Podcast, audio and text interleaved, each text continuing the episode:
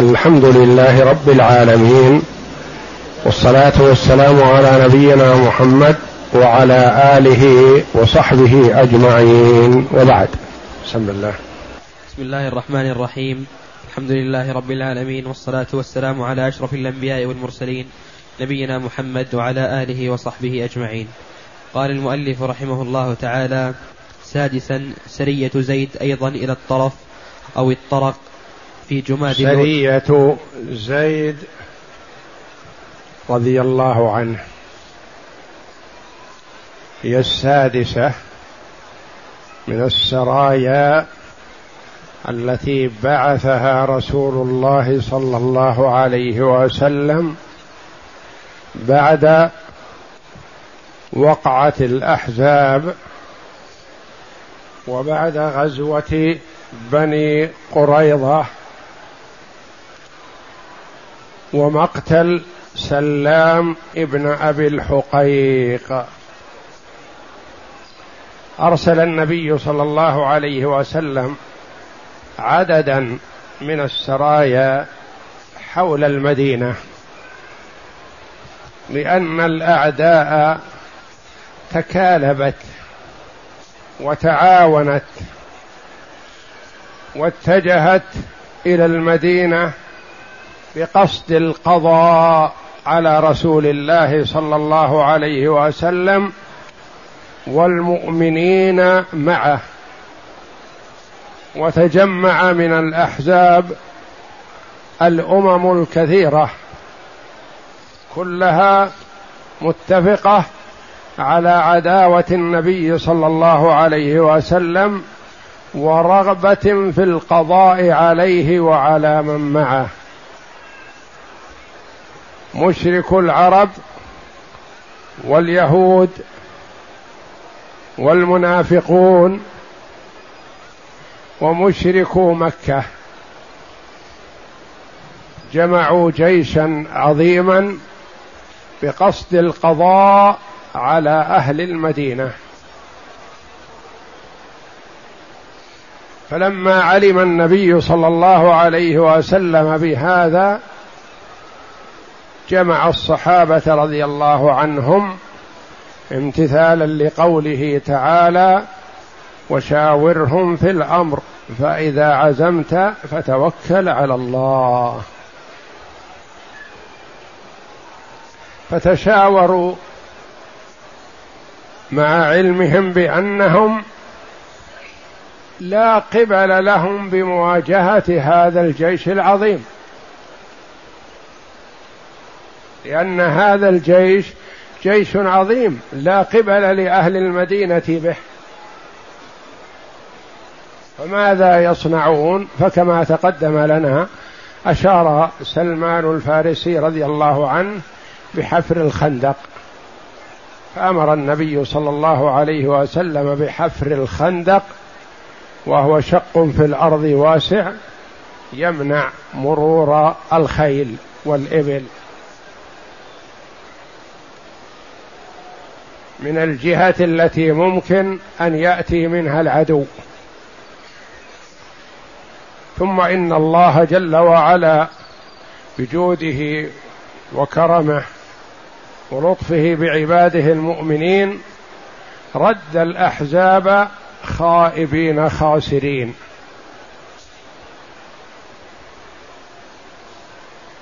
وبث الله جل وعلا العداوة والخلاف بينهم ما ذهبوا وهم على وفاق بحيث يأتوا مرة أخرى وجد الخلاف بينهم والتنازع فرجعوا خاسئين حقيرين بإذن الله ثم التفت النبي صلى الله عليه وسلم إلى اليهود الذين ناصروهم وهم جيران النبي صلى الله عليه وسلم في المدينة فحكم فيهم سعد بن معاذ رضي الله عنه بحكمه الذي أخبر عنه النبي صلى الله عليه وسلم بأنه حكم الله من فوق سبع سماوات بأن يقتل المقاتلة وتسبى الذريه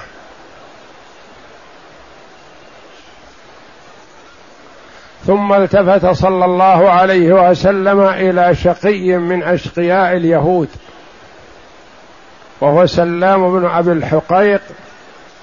استأذن جماعة من الخزرج في قتله فأذن لهم النبي صلى الله عليه وسلم وتم قتله بإذن الله بسهولة ويسر.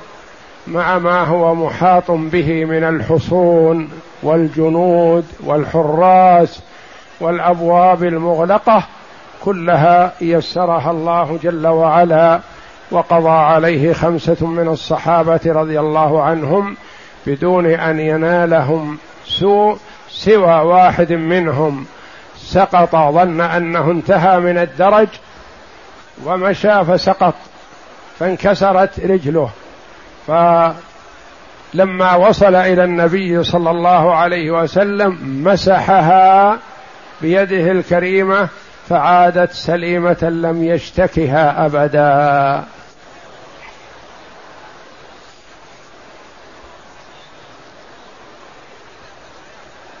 نشط النبي صلى الله عليه وسلم والصحابة رضي الله عنهم معه وحول المدينة الأعداء إلى الآن فيخشى من كرتهم مرة أخرى.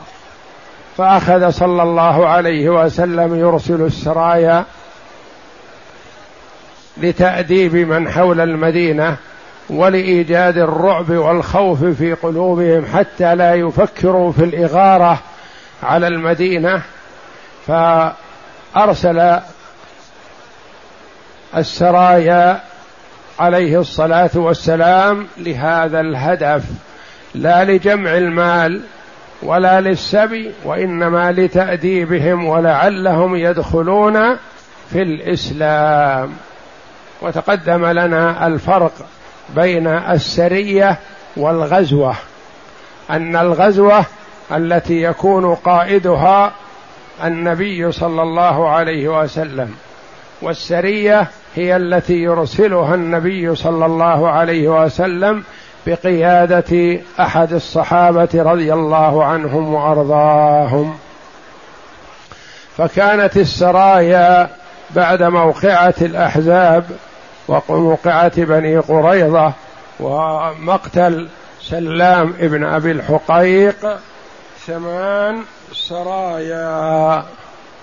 لكل واحدة اتجاه هدف وكل واحدة بقيادة أحد الصحابة رضي الله عنهم ومنها ما نالت الظفر والغنيمة ومنها ما راح فيها عدد من الشهداء رضي الله عنهم وأرضاهم وكلها أدت الغرض في إلقاء الخوف والرعب والذلة في قلوب أعداء النبي صلى الله عليه وسلم. فهي حتى وإن ذهب فيها شهداء فهم أحياء عند ربهم يرزقون وأوجدت مهابة للأحياء. فهي في كلا الحالين في نصر وفائده وغنيمة للمسلمين. وفوز للأحياء وللأموات. نعم. سرية. سرية زيد أيضا. سادسا سرية زيد رضي الله عنه. الأولى كما تقدم لنا سرية عكاشة بن محصن رضي الله عنه الذي كان يلقب بيوسف هذه الأمة. ثم سرية محمد بن مسلمة رضي الله عنه. ثم سرية أبي عبيدة بن الجراح رضي الله عنه. ثم سرية زيد بن حارثة الذي كان يدعى زيد بن محمد سابقا. ثم سرية زيد كذلك الخامسة سرية زيد رضي الله عنه. السادسة سرية زيد كذلك. السابعة سرية زيد كذلك. أربع سرايا متوالية كلها بقيادة زيد بن حارث رضي الله عنه فهو حب رسول الله صلى الله عليه وسلم رضي الله عنه وأرضاه والذي آثر النبي صلى الله عليه وسلم على أبيه وعمه كما تقدم لنا. آثر أن يبقى رقيقا بيد النبي صلى الله عليه وسلم على أن يكون حرا طليقا بين أهله وذويه ووالديه. لما رأى من النبي صلى الله عليه وسلم من الصفات الحميدة التي لا تجتمع لبشر سواه صلى الله عليه وسلم فآثره على أبويه وأهله فأكرمه النبي صلى الله عليه وسلم بأن دعاه زيد بن محمد وتبناه لما كان التبني سائغا فلما نزل قوله جل وعلا ادعوهم لآبائهم وأقسط عند الله سمي باسمه الحقيقي وهو زيد بن حارثة رضي الله عنه وأرضاه. سادسا سرية زيد أيضا إلى الطرف أو الطرق. في جماد الأولى من السنة السادسة من الهجرة. كل هذه السرايا في السنة السادسة من الهجرة. قبيل عمرة الحديبية. خرج زيد رضي الله عنه في خمسة عشر رجلا إلى بني ثعلبة فهربت الأعراب وخافوا أن يكون رسول الله صلى الله عليه وسلم سار إليهم. لأن الله جل وعلا ألقى فيهم الرعب والخوف من النبي صلى الله عليه وسلم وكما قال عليه الصلاة والسلام نصرت بالرعب مسيرة شهر. يعني إذا توجه إلى العدو وكان بين النبي صلى الله عليه وسلم وبين العدو مسيرة شهر يكون الرعب في قلوبهم خوفا من النبي صلى الله عليه وسلم. فأصاب من نعمهم فأصاب من نعمهم عشرين بعيرا وغاب أربع ليال. وغاب أربع ليال. يعني هذه السرية غيبتها عن المدينة أربع ليال لتأديب طائفة قريبة من المدينة فتأدبوا وهربوا في الجبال وشردوا وغنموا منهم مغانم ورجعوا إلى المدينة وكانت سفرتهم أربعة أيام رضي الله عنهم وأرضاهم. سابعا سرية زيد أيضا إلى وادي القرى. في رجب من كذلك هذه السرية الرابعة التي تكون بقيادة زيد بن حارثة رضي الله عنه. من إلى وادي القرى بين المدينة ومكة. نعم. في رجب من السنة السادسة من الهجرة خرج زيد في اثني عشر رجلا إلى وادي القرى لاستكشاف حركات العدو إن كانت هناك فهجم يعني عليه. يخشى أن يتجمع العدو في بعض الأماكن فما يدرى عنهم حتى يباغتوا المدينة. فكان من سياسة النبي صلى الله عليه وسلم العسكرية استكشاف ما حول المدينة باستمرار خشية أن يهجم العدو على غرة. فهجم عليهم سكان وادي القراء. أرسلهم في اثني زيد وهم عددهم اثنا عشر رجلا لوادي القرى نعم. فهجم عليهم سكان وادي القرى فقتلوا تسعة منهم وأفلت ثلاثة فيهم زيد بن حارثة. هذه المرة أحاط بهم أهل وادي القرى وكانوا كثر وهؤلاء اثنا عشر. أحاطوا بهم فقتلوا منهم تسعة وأفلت من الاثني عشر ثلاثة منهم زيد واثنان آخران. هربوا سلموا والتسعة قتلوا شهداء أحياء عند ربهم يرزقون. هم رضي الله عنهم يخرجون يريدون الشهادة. يعني رضي الله عنهم يعتبرونها غنيمة وفوز. فهم في إحدى الحسنيين الشهادة أو الغنيمة وكلاهما خير عندهم رضي الله عنهم وأرضاهم. نعم. ثامنا سرية الخبط. الخبط. سرية الخبط. الخبط ورق شجر يخبط فينزل فتأكله البهائم. ومع الجوع الشديد يأكله الناس يأكله الرجال.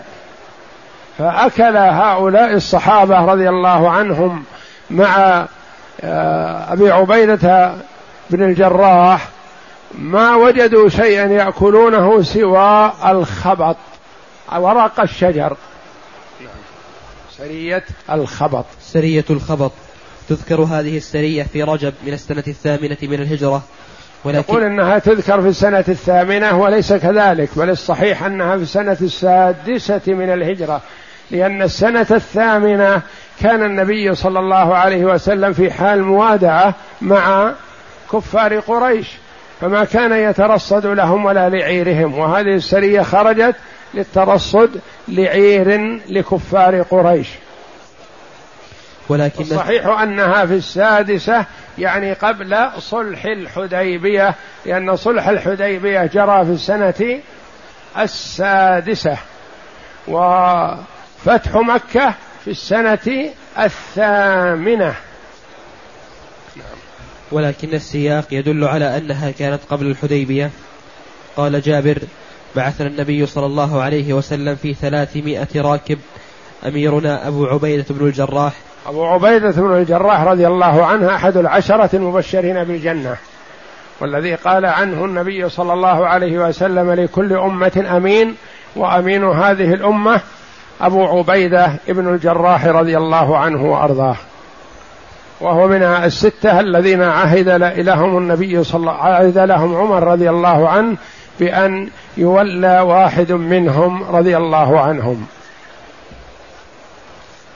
نرصد عيرا لقريش فأصابنا جوع شديد حتى أكلنا الخبط فسمي جيش الخبط فنحر رجل ثلاث, ثلاث جزائر ثم نحر ثلاث جزائر ثم نحر ثلاث جزائر ثم يعني من مركوباتهم مما يركبونه من شدة الجوع نحروا ثلاث وأكلوها. ثم نحروا ثلاث فأكلوها ثم نكعروا ثلاث فأكلوها. فخشي أبو عبيدة أن يفنى المركوب فمنع من النحر رضي الله عنه قال لا تذبحوا احفظوها. وأخذوا يخبطون الشجر فينزل الورق مثل ورق السدر ونحوه ويأكلونه رضي الله عنهم من شدة الجوع. ثم إن أبا عبيدة نهى فألقى إلينا البحر دابة يقال لها العنبر فأكلنا منه نصف شهر. ألقى إليهم البحر دابة يعني هم كانوا على قريب من سيف البحر. دابة يعني سمكة كبيرة جدا أكلوا فيها وقت طويل وسمنوا وتحسنت حالهم وحملوا منها لحوما للمدينة. وطلب منهم النبي صلى الله عليه وسلم لما أخبروه أن يطعموه منها ليشعرهم صلوات الله وسلامه عليه بأنها حلال طيب لأنه صلى الله عليه وسلم منزه ما يأكل ما فيه شبهة. فكثيرا ما يكون المال بيد الصحابة رضي الله عنهم يخشون أن يكون فيه شبهة يخشون أن لا يكون حلال.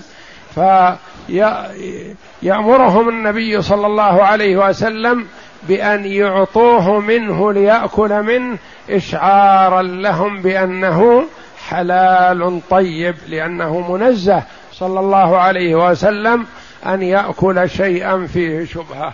كقصة الرهط الذين استضافوا أهل حي من العرب فأبوا أن يضيفوهم. الرهط من الصحابة رضي الله عنهم. استضافوا قوما من العرب فأبوا أن يضيفوهم. فنزلوا قريبا منهم.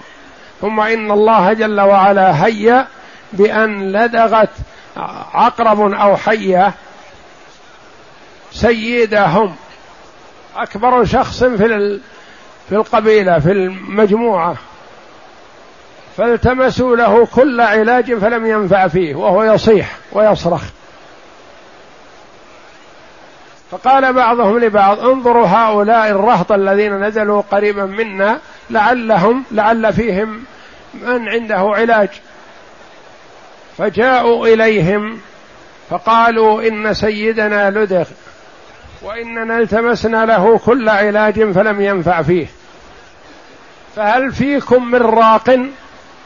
فقال أحدهم وربما يكون أصغرهم رضي الله عنهم. نعم أنا راقي. ولكننا استضفناكم فلم تضيفونا فلا نرقى لكم إلا بجعل ونشترط لكم على الشفاء إما شفي فلا تعطونا شيء. فاتفقوا معهم على قطيع من الغنم. فذهب رضي الله عنه وقرأ عليه سورة الفاتحة فقط. مرة أو ثلاث مرات أو سبع باختلاف الروايات. فقام كأنما نشط من عقال. قام بري ما في شيء. فأعطوهم القطيع من الغنم مجموعة من الغنم. فقال بعضهم لبعض نقتسم. قال الآخرون لا أخذنا جعلا على كتاب الله فنخشى أن يكون ما يحل لنا. ننتظر حتى نسأل النبي صلى الله عليه وسلم. فسألوه عليه الصلاة والسلام فقال للراقي وما يدريك أنها رقية؟ يعني أعظم رقية يرقى بها المريض هي فاتحة الكتاب.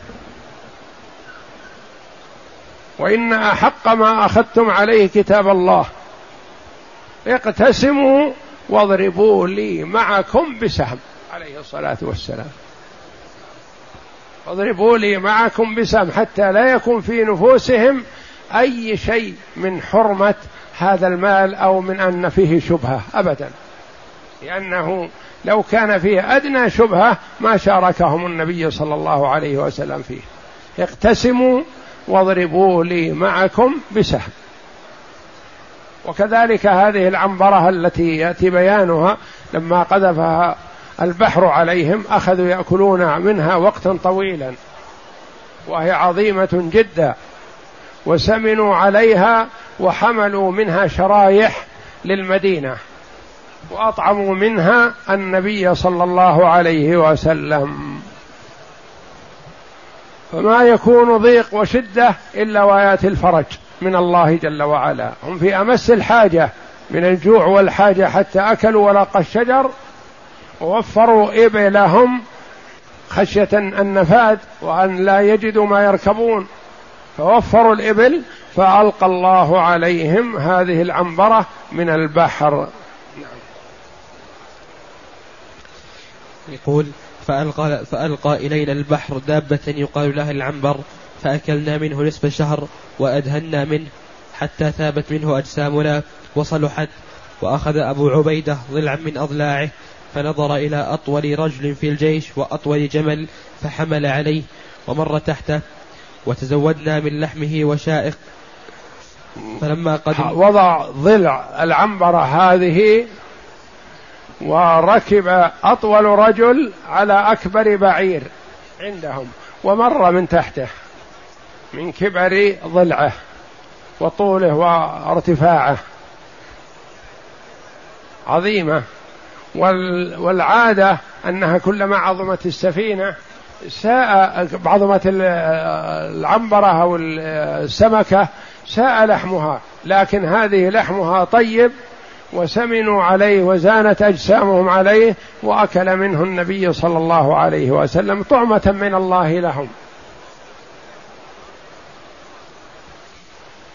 وتزودنا من لحمه وشائق فلما قدمنا المدينة أتينا رسول الله صلى الله عليه وسلم فذكرنا له ذلك فقال هو رزق أخرجه الله لكم فهل معكم من لحمه شيء تطعمون فأرسلنا إلى رسول الله صلى الله عليه وسلم منه. وإنما قلنا إن سياق هذه السرية يدل على أنها كانت قبل الحديبية لأن المسلمين لم يكونوا يتعرضون لعير قريش بعد صلح الحديبية. بعد صلح الحديبية النبي صلى الله عليه وسلم أوفى الناس بالعهد. وكانوا تعاهد مع كفار قريش على أن لا يحاربهم ولا يحاربونه. فكانت هذه قبل صلح الحديبية لأن السرية هذه في ثلاثمائة رجل لاعتراض عير لقريش.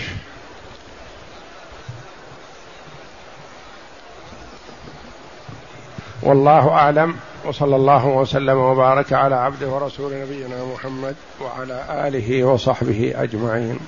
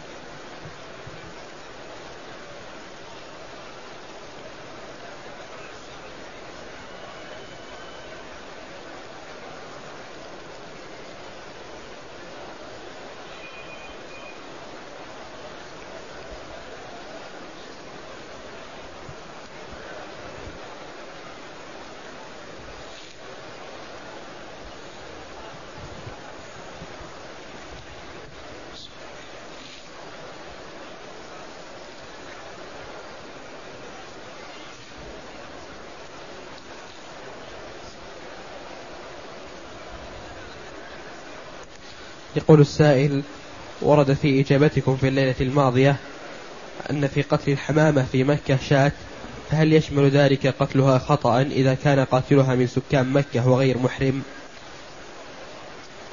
قتل الحمامة في الحرم فيه فدية شاة سواء كان القاتل محرما أو ليس بمحرم لأنها هي الحمامة في الحرم. وأما إذا كانت الحمامة خارج الحرم فقتلها من غير المحرم مباح. ومن المحرم فيها شاة لأن المحرم ممنوع من قتل الصيد سواء كان داخل الحرم أو خارجه. والصحابة رضي الله عنهم أوجبوا فيها الفدية سواء كان خطأ أو عمد. قالوا لأن الإتلاف يستوي فيه الخطأ والعمد لأن الخطأ فيه الفدية لكن لا إثم والعمد فيه الإثم والفدية.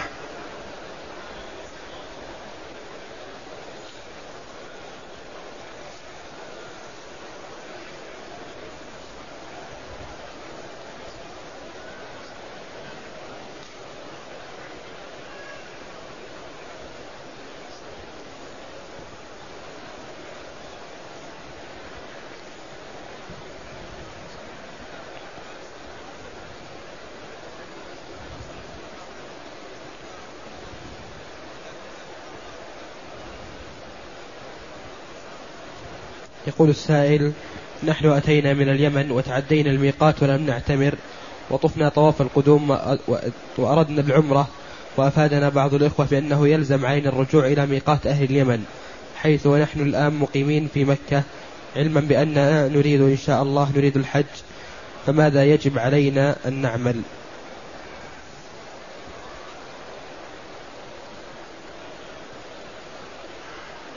قول الأخ أتينا من اليمن وتعدينا الميقات ولم نعتمر وطفنا طواف القدوم. هذا لا يخلو. إن كنتم أتيتم من اليمن تريدون العمرة. فيلزمكم الإحرام من الميقات وإذا أردتم العمرة الآن فتعودوا إلى ميقات أهل اليمن يلملم. وتحرموا منه ولا شيء عليكم.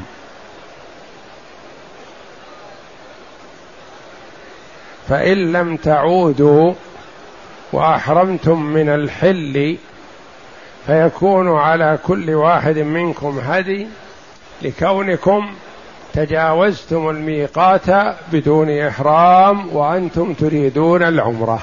هذه حالة. الحال الثانية أنكم جئتم من اليمن بغير قصد العمرة للعمل أو للزيارة أو لكذا أو لكذا أو للتجارة أو لأي غرض من الأغراض غير العمرة. فلا بأس عليكم في مجاوزة الميقات وعليكم متى ما أردتم العمرة أن تحرموا من الحل أي مكان من الحل. عرفات أو الشرائع أو التنعيم أو الحديبية أو أي جهة من جهات من طرق مكة خارج حدود الحرم. ففرق بين من وصل إلى الميقات وهو يريد الحج أو العمرة فيجب عليه أن يحرم. فإن تجاوزه بدون إحرام وجب عليه أن يرجع. فإن لم يرجع أحرم من الحل ويكون عليه هدي لمجاوزته الميقات بدون إحرام. أما من جاء إلى مكة لغير قصد العمرة ولا قصد الحج وإنما جاء لأي غرض من الأغراض وتجاوز الميقات فلا شيء عليه. فإن عزم على العمرة وهو خارج الحرم فيحرم من مكانه. وإن عزم على العمرة وهو داخل الحرم فيخرج إلى الحل ويحرم ولا شيء عليه.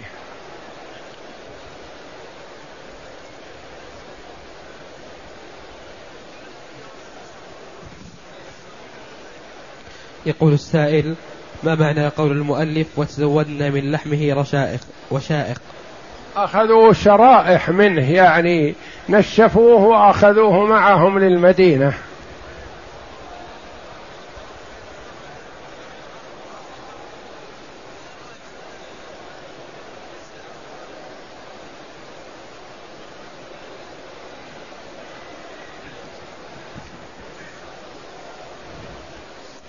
يقول السائل ورد الفضل في صيام الاثنين والخميس فهل قراءة القرآن والأذكار فيهما له مزيد؟ لا سيما والإنس صائم لا شك أن الإقبال على الأعمال الصالحة مع أعمال صالحة أخرى أفضل وأحسن فهو إذا صام واشتغل بقراءة القرآن والذكر والطواف كان هذا هدي السلف. رحمه الله عليهم.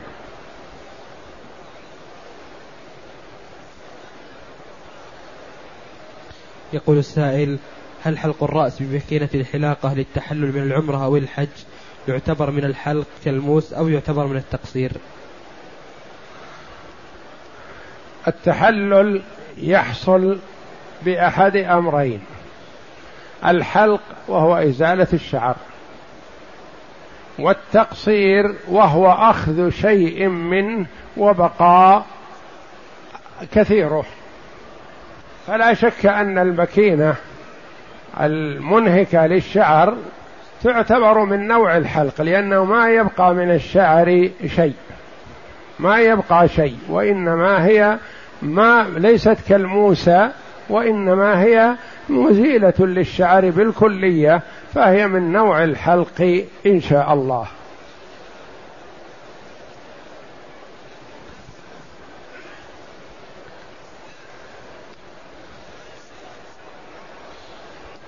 يقول السائل نرى بعض المصلين إذا صلوا الفريضة غيروا أماكنهم إذا صلوا ركعتي السنة. ما الحكمة من ذلك؟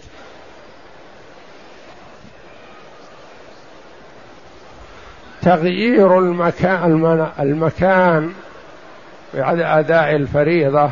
ورد أن الإنسان إذا صلى الفريضة في مكان يصلي النافلة في مكان آخر أولا لوجود الحركة يعني أنه ما يصل النافلة بالفريضة. ثانيا أنه يعدد الأماكن التي يؤدي فيها العمل الصالح لأنه جاء أن الأماكن تشهد لصاحبها. وكلما عدد الأماكن في أداء الأعمال الصالحة يكون خير.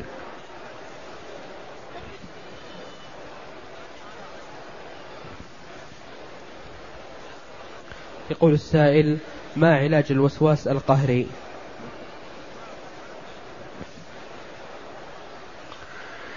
الوسواس علاجه بالتوجه إلى الله جل وعلا والاستعاذة به تبارك وتعالى. وإما ينزغنك من الشيطان نزغ فاستعذ بالله. والاستعاذة بالله بأن يقول أعوذ بالله من الشيطان الرجيم. أو أن يقول أعوذ بالله السميع العليم من الشيطان الرجيم. أو يقول أعوذ بالله من الشيطان الرجيم من همزه ونفخه ونفثه. وتحصل الاستعاذة بذلك كذلك والتحصن من الشيطان بقراءة آية الكرسي. صباحا ومساء وأدبار الصلوات وقراءة السور الثلاث سورة الإخلاص قل هو الله أحد. والمعوذتين قل أعوذ برب الفلق وقل أعوذ برب الناس بعد كل فريضة. ويحسن تكرار السور الثلاث ثلاث مرات بعد صلاة الفجر وبعد صلاة المغرب لأن صلاة الفجر أول النهار وصلاة المغرب أول الليل. وقراءة القرآن وخاصة آية الكرسي والمعوذتين وفاتحة الكتاب فيها حصن حصين من الشيطان الرجيم بإذن الله. مع التوجه إلى الله جل وعلا بالقلب والإخلاص له والتضرع إليه. لأن الله جل وعلا ذكر في كتابه أعداء الإنسان نوعان صنفان. صنف تنفع فيه المهادات والهدية والسلام والعزيمة والدعوة للبيت ونحو ذلك. وصنف ما تنفع فيه هذه الأشياء أبدا. فالصنف الأول قال قال الله جل وعلا ادفع بالتي هي أحسن فإذا الذي بينك وبينه عداوة كأنه ولي حميم. الآدمي يكون بينك وبينه عداوة. الأداء الآدمي فيه طيبة وفيه شقاوة. إذا أتيته من جهة الطيب أدركت منه مرادك.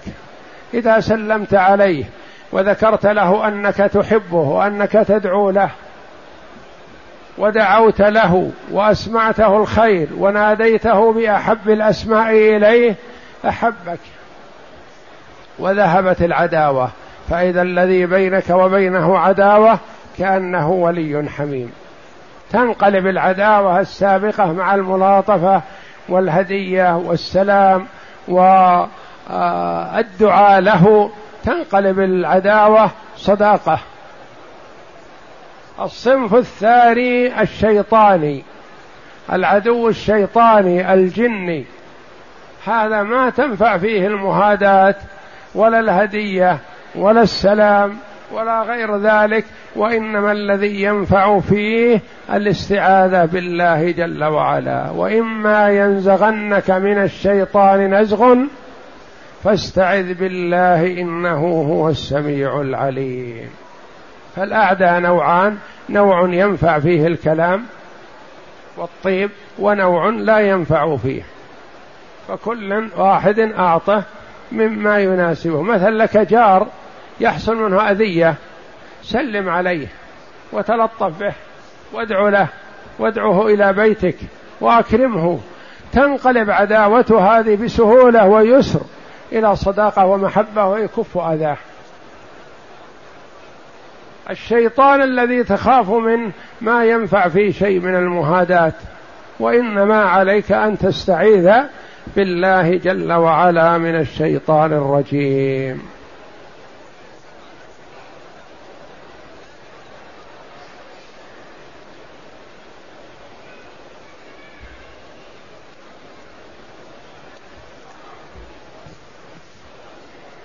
يقول السائل هل هناك عدد محدود في في طواف التطوع؟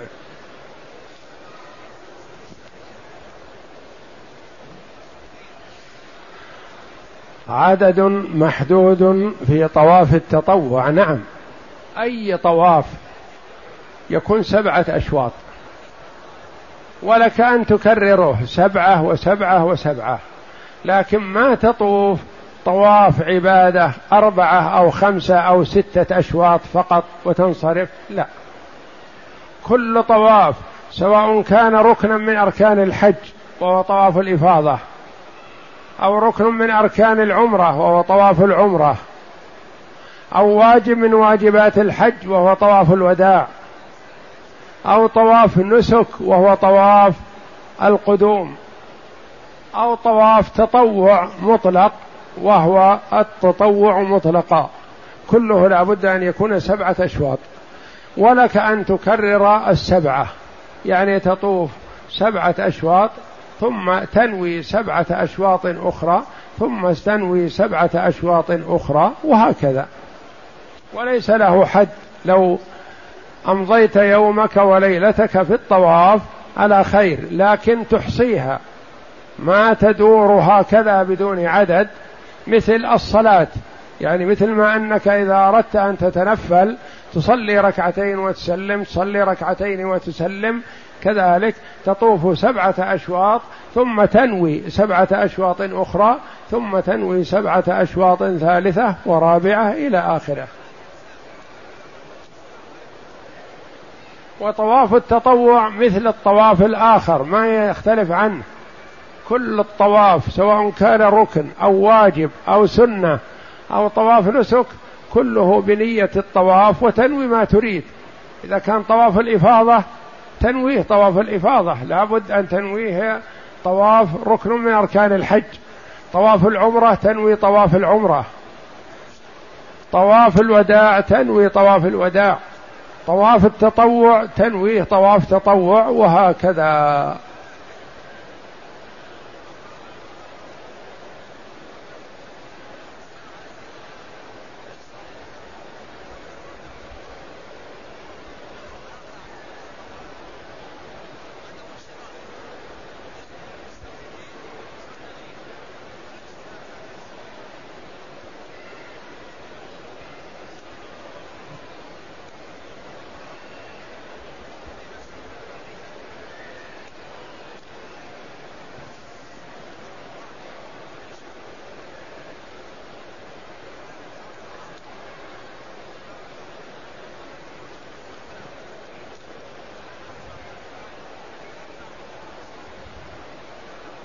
يقول السائل شخص جاء من بلاده لغرض أداء العمرة ولكن جاء بملابسه حتى وصل المطار ثم عند قدومه إلى مكة قام بالمرور على مسجد السيدة عائشة حيث تم حيث تم إحرامه هناك فماذا عليه؟ ما دام أنه جاء من بلاد بعيدة يريد العمرة وتجاوز الميقات فيكون عليه هدي لأنه لو رجع إلى الميقات بعدما تجاوزه وأحرم منه فلا شيء عليه لكنه ما رجع ونزل في المطار وهو لم يحرم والميقات خلف المطار ووصل إلى مكة وهو لم يحرم ثم خرج إلى مسجد عائشة مسجد التنعيم وأحرم من هناك يكون تجاوز الميقات بدون إحرام فيكون عليه هدي. فإن لم يستطع الهدي فيجب عليه أن يصوم عشرة أيام عن عدم قدرته للهدي. والذي ينبغي لمن أراد أن أداء واجب أو عمل طاعة أن يتفقه فيه وأن يسأل قبل أن يفعل. بعض الإخوة هداهم الله يقدم على الفعل كأنه أفقه الناس. فإذا أدى الفعل على جهل وعلى خلاف السنة ندم وذهب يسأل.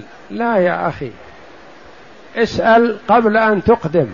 فالله جل وعلا يقول فاسألوا أهل الذكر إن كنتم لا تعلمون. والعبادات توقيفية يا أخي ليست مبنية على اجتهاد المرء نفسه.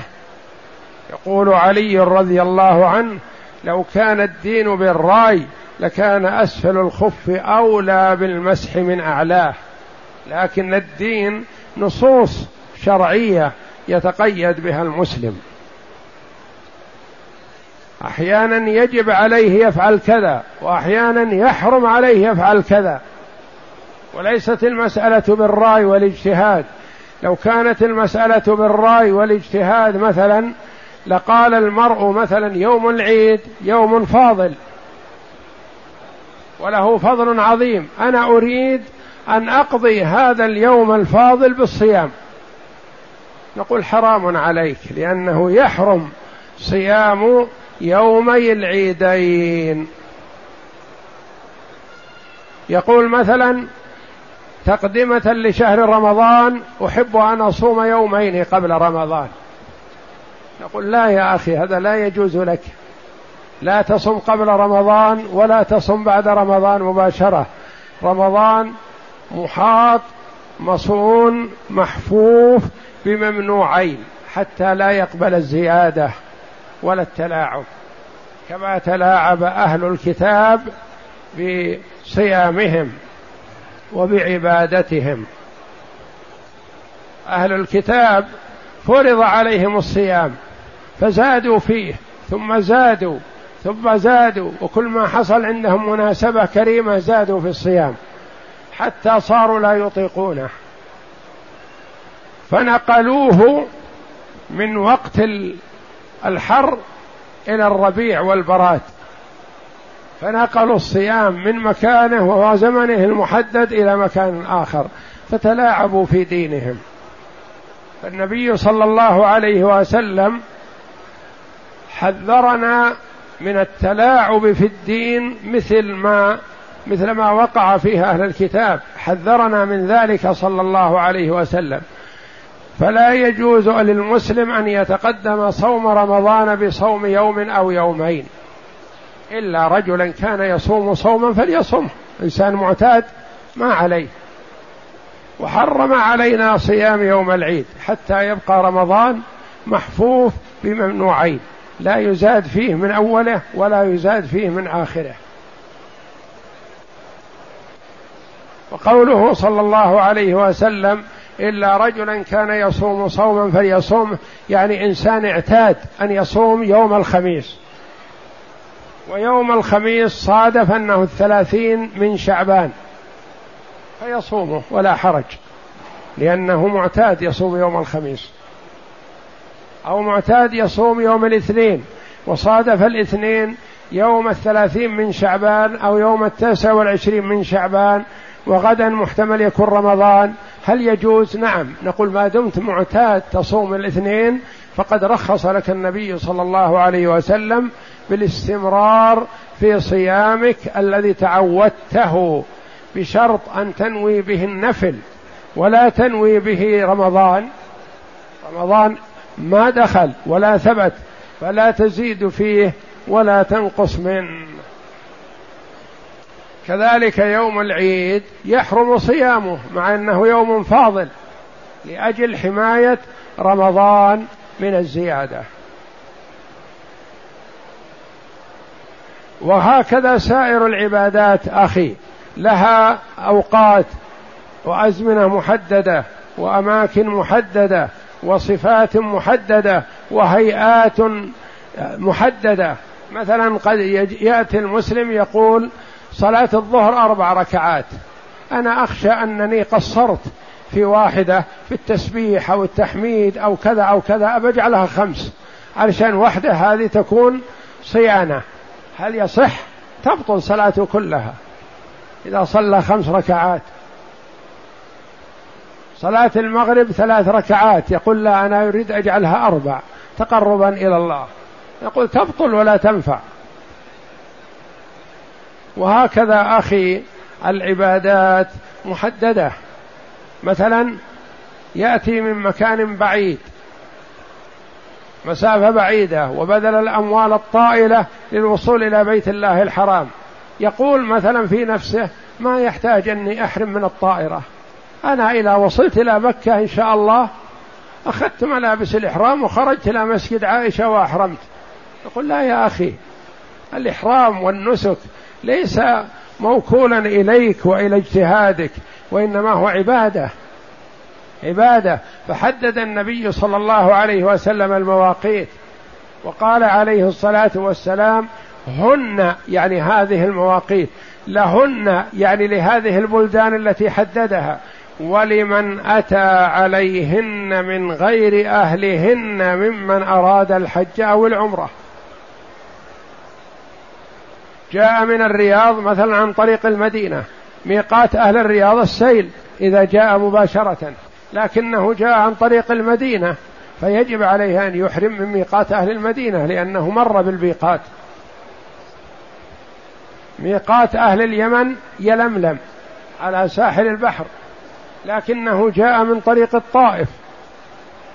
يجب عليه أن يحرم من السيل أو من وادي المحرم من أحد لأنهما ميقات واحد. السيل ووادي المحرم بحذاء واحد بسمت واحد. فيجب عليه أن يحرم من هذا الميقات الذي يمر به ولا يقول أنا من أهل اليمن. أحرم من الساحل؟ لا أحرم من الميقات الذي تمر به. وهكذا أخي ينبغي للمسلم إذا يسر الله له العبادة وخاصة الحج والعمرة أن يسأل ويتفقه ما الذي يجب عليه وماذا يفعل. قبل أن يقدم وقبل أن يخطئ في العمل ثم يقول ماذا أصنع. والتفقه في العبادة حسن. وكذلك سائر العبادات مثل الزكاة مثلا. قد يكون المرء عنده زكاة ويقول عندي زكاة أنا أبوي وأبوي فقير. ليه أعطيها البعيدين وأحرم أبوي؟ أعطيها أبوي. أقسمها بين أبي وأمي. يقول لا يا أخي ما يجوز تعطي زكاتك لأبيك ولا لأمك. أبوك وأمك إذا قصرت بهم النفقة يجب عليك أن تنفق عليهم من مالك ولا تعطيهم زكاة مالك. وكل العبادات والحمد لله مبينة موضحة بينها النبي صلى الله عليه وسلم. فوق هذا بين لنا كل ما نحتاج إليه من أمور ديننا ودنيانا حتى أمور الدنيا بينها صلى الله عليه وسلم. حتى البيع والشراء حتى ما الذي ينبغي لنا عند دخول مكان قضاء الحاجة وعند الخروج والاستنجاء والاستجمار وغير ذلك من الأمور التي يحتاجها كل واحد منا تركنا صلى الله عليه وسلم على المحجة البيضاء ليلها كنهارها لا يزيغ عنها إلا هالك. يعني يتركها الهالك الذي أراد إهلاك نفسه والعياذ بالله وإلا الأمر جلي. حتى لو لم تعلمه أنت فاسأل أهل العلم. اسأل أهل العلم. الله جل وعلا أمر بذلك في كتابه العزيز فقال فاسألوا أهل الذكر إن كنتم لا تعلمون. إن كنت لا تعلم اسأل. يقول علي رضي الله عنه لو كان الدين بالرأي لكان أسفل الخف أولى بالمسح من أعلاه. وقد رأيت رسول الله صلى الله عليه وسلم يمسح أعلى الخف. فالعبادات توقيفية وليست مبنية على الاجتهاد.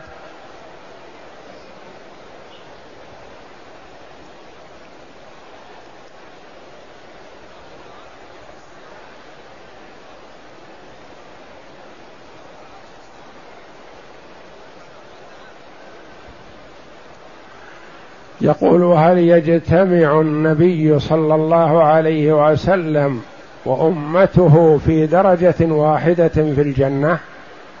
لا يا أخي درجات الجنة. وما بين الدرجة والدرجة كما بين السماء والأرض. ومن دون يرون من فوقهم كما يرى الكوكب الدري. ومن لطف الله جل وعلا بأهل الجنة أن كل واحد منهم راض بما هو فيه. ما يشعر أن في غضاضة أو نقص أو نزول درجة.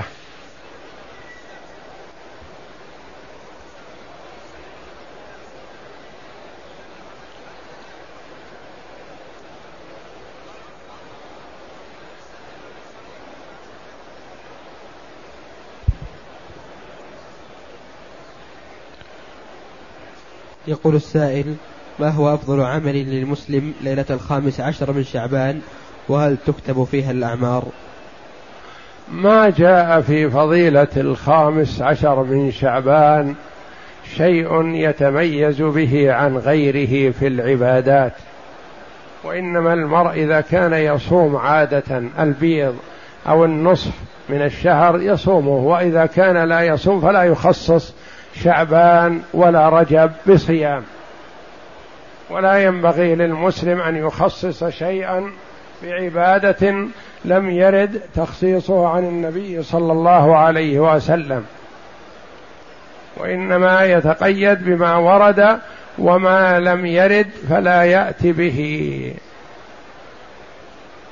وأيام شعبان وغيرها من الأيام هي على حد سواء إلا ما ورد فضيلة صيام الاثنين في كل الأشهر. صيام الخميس في كل الأشهر. صيام رمضان له فضل خاص. صيام والعبادة في العشر الأول من ذي الحجة لها فضل خاص. ما جاء في فضله أحاديث فنعم وما لم يرد فيه أحاديث صحيح صحيحة لا نميزه على غيره.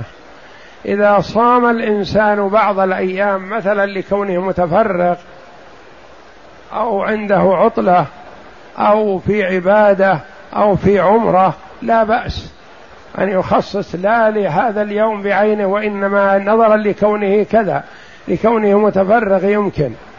يمكن أن يصوم في هذا اليوم فصام بينما في الأيام الأخرى يكون مشغول وعنده عليه إرهاق وتعب فيترك الصيام فلا حرج لكن يخصص يوم معين لم يرد تخصيصه عن النبي صلى الله عليه وسلم فلا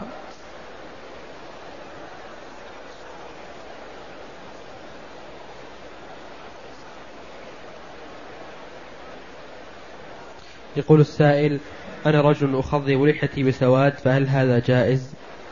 لا يا أخي ما يجوز لأن النبي صلى الله عليه وسلم لما جيء له بأبي قحافة والد أبي بكر الصديق رضي الله عنه يوم الفتح ورأسه ولحيته كالثغامة بياضا قال غيروا هذا وجنبوه السواد.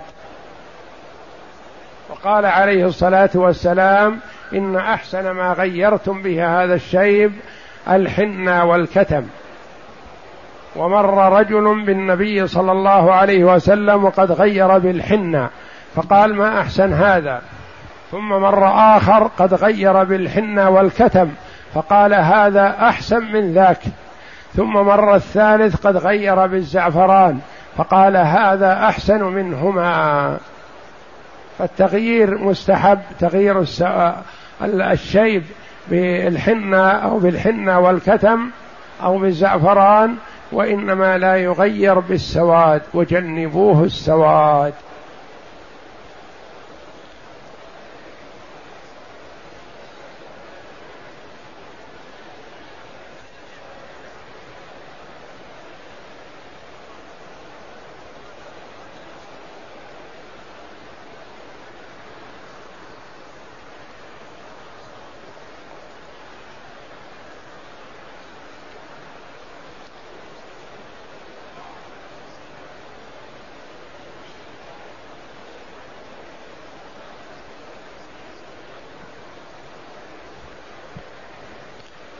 يقول السائل شخص مات وله عندي مبلغ من المال ولا أدري أين أهله فماذا أفعل؟ فهل هل أتصدق بها؟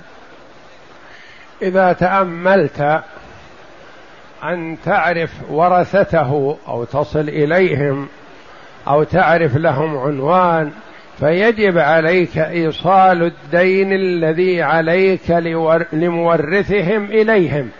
لأنك إذا أعطيته ورثته برئت ذمتك وإذا أيست كأن تكون تعرفه بوجهه.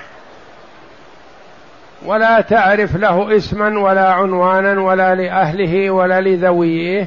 وأيست من ذلك وتخشى أن يبقى في ذمتك إلى يوم القيامة فتتصدق به عنه. لا عنك تتصدق به عنه. لأنه ماله تعذر وصوله إليه في الدنيا فيصله إن شاء الله في الدار الآخرة ينفعه عند الله.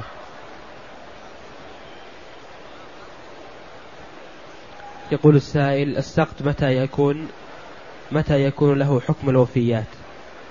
السقط يكون له حكم الأموات إذا نفخ فيه الروح يعني إذا تحرك في بطن أمه والغالب أن هذا يكون بعد ثلاثة أشهر. بعد أربعة أشهر بعد آه، ثلاثة ثلاث مراحل. نطفة ثم علقة ثم مضغة ولكل واحدة أربعون يوما.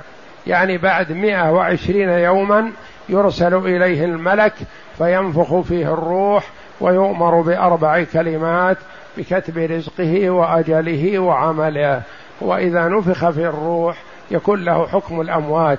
ولا يجوز التساهل به لأن بعض النساء تجهل أو بعض القابلات تجهل تظن أنه لا قيمة له وهو قد نفخ فيه الروح فيجب أن يغسل ويكفن ويصلى عليه ويدفن في مقابر المسلمين حتى لو كان بقدر الكف أو دون من الكف. ما دام أنه نفخ فيه الروح فيجب أن يغسل ويصلى عليه. والله أعلم وصلى الله وسلم وبارك على عبده ورسول نبينا محمد وعلى آله وصحبه أجمعين.